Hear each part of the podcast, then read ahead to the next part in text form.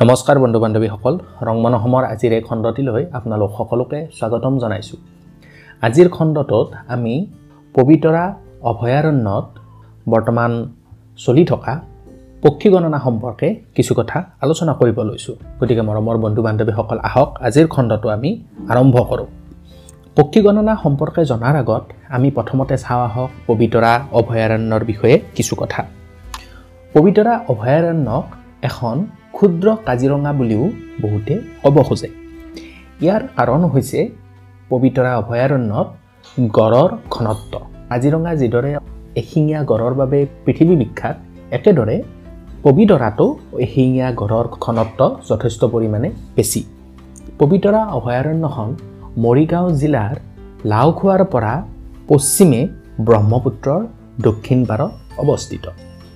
ইয়াৰ মুঠ মাটিকালি হ'ল আঠত্ৰিছ বৰ্গ কিলোমিটাৰ। ঊনৈছশ আঠাশী চনত পবিতৰা অভয়াৰণ্যই অভয়াৰণ্য হিচাপে স্বীকৃতি লাভ কৰিছিল। এই অভয়াৰণ্যখনত গড়ৰ উপৰিও বনৰীয়া মহ বনৰীয়া গাহৰি বিভিন্ন প্ৰজাতিৰ হাঁহ হৰিণ আৰু বিভিন্ন প্ৰকাৰৰ চৰাইৰ লগতে নানান জলচৰ পক্ষীও পোৱা যায়। বিগত দুহেজাৰ বিছ বৰ্ষটোত ক'ভিড নাইণ্টিন মহামাৰীৰ কাৰণে পবিতৰা অভয়াৰণ্যখন দৰ্শনাৰ্থীৰ কাৰণে মুকলি কৰি দিয়া হোৱা নাছিল আৰু ইয়াৰ ফলত গোটেই বৰ্ষটোত পবিতৰা অভয়াৰণ্যই মাত্ৰ ত্ৰিছ লাখ টকাহে আয় কৰিবলৈ সক্ষম হৈছিল। আৰু এই আয়ৰ পৰিমাণ পূৰ্বৰ আয়ৰ পৰিমাণৰ প্ৰায় এক তৃতীয়াংশ বুলি আমি ক'ব পাৰোঁ। পবিতৰা অভয়াৰণ্যত শীতকালি পৃথিৱীৰ নানান ঠাইৰ পৰা পৰিভ্ৰমী চৰাইবোৰ আহি ইয়াত একেলগে মিলিত হয় আৰু এই সময়ত সাধাৰণতে পবিতৰা অভয়াৰণ্যত প্ৰায় তিনিশ পঁসত্তৰটা প্ৰজাতিৰ নানাবিধ চৰাই পোৱা যায়। প্ৰত্যেক বছৰৰ দৰে এই বছৰো পবিতৰা অভয়াৰণ্যত পক্ষী গণনা কাৰ্য চলি আছে।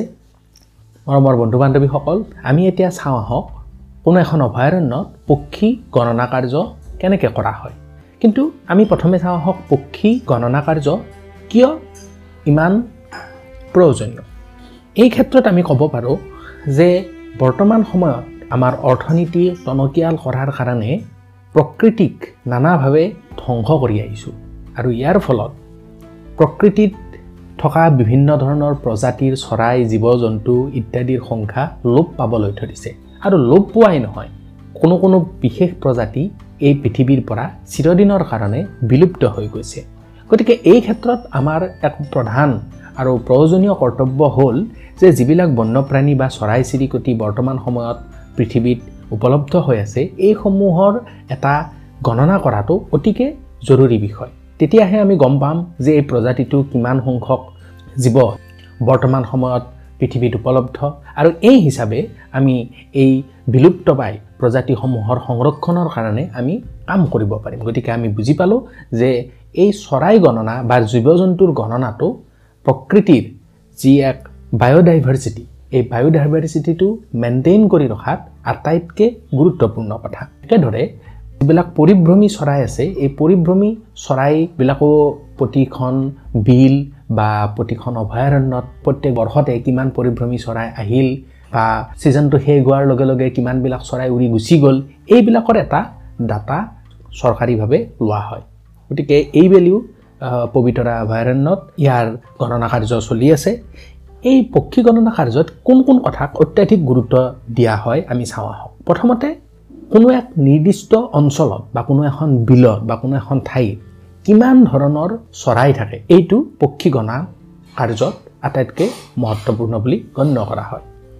ইয়াৰ উপৰিও এক বিশেষ প্ৰজাতিৰ চৰাই কোন কোন অঞ্চলত পোৱা যায় বা এখন অভয়াৰণ্যত বা এখন বিলত চৰাইৰ ঘনত্ব কিমান আৰু কোনো এটা বছৰ কি কি চৰাই এখন অভয়াৰণ্যলৈ বা এখন বিললৈ আহিল বা ইয়াৰ আগৰ বছৰ কেনেকুৱা ধৰণৰ চৰাই আহিছিল বা ইয়াৰ পিছৰ বছৰ কেনেকুৱা ধৰণৰ চৰাই আহিব এই আটাইবিলাক কথা পক্ষী গণনা কাৰ্যত ভাল ধৰণে পৰ্যালোচনা কৰা হয়। এতিয়া আমি চাওঁ আহক যে পক্ষী গণনা কোনো এখন অভয়াৰণ্যত বা বিলত কেনেকৈ কৰা হয়? এই পক্ষী গণনা কাৰ্য কৰিব অহা কাৰ্যকৰ্তাসমূহ বিভিন্ন দল বা গ্ৰুপত প্ৰথমতে বিভক্ত হৈ লয়। তেখেতসকলে ভগাই লয় নিজৰ নিজৰ একো একোটা এৰিয়া। আৰু সেই এৰিয়াত তেওঁলোকে নিজৰ নিজৰ এৰিয়াত থকা চৰাইবিলাক এটা এটাকৈ গণিবলৈ আৰম্ভ কৰে। পিছত কি কৰে? গোটেইখিনি একেলগে যোগ কৰি পেলোৱা হয়। কিন্তু এই ক্ষেত্ৰত এটা প্ৰব্লেম আহি যায় যে চৰাইবিলাক হয়তো উৰিও যাব পাৰে। যে কোনোবা এটা এৰিয়াত থকা চৰাই এটা উৰি গৈ অন্য এটা বেলেগ এৰিয়াত উৰি গৈ পৰিব পাৰে। কেতিয়া কি হ'ব? সেই চৰাইটো দুবাৰ কাউণ্ট হ'ব। এবাৰ এটা গ্ৰুপে কাউণ্ট কৰিব আৰু সেই চৰাইটোৱে উৰি আন এটা গ্ৰুপত পৰিল। তেতিয়া দুই নম্বৰ গ্ৰুপটোৱেও সেই চৰাইটো কাউণ্ট কৰিলে। গতিকে ইয়াত ভুল হোৱাৰ সম্ভাৱনা থাকে। তো এই ক্ষেত্ৰত কি কৰা হয়? গণতে নিৰ্দিষ্ট এটা গ্ৰুপত কোনোবা এটা চৰাই উৰি গ'ল নেকি? বা গণনা কাৰ্যৰ সেই সময়খিনিৰ ভিতৰত কোনোবা এটা চৰাই আকৌ উৰি নতুনকৈ আহিল নেকি এই বিষয়েও ধ্যান ৰখা হয়।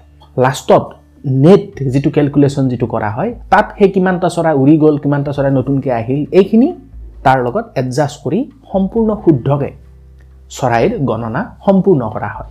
তাৰপিছত আৰু কিছুমান কথা আহি পৰে এই ক্ষেত্ৰত যে বহুত চৰাই আছে। যদি কম চৰাই থাকে তেতিয়াহ'লে আমি হেড টু হেড কাউণ্ট কৰিব পাৰোঁ। কিন্তু যদি বহুত চৰাই থাকে তেতিয়া আমি কি কৰিম?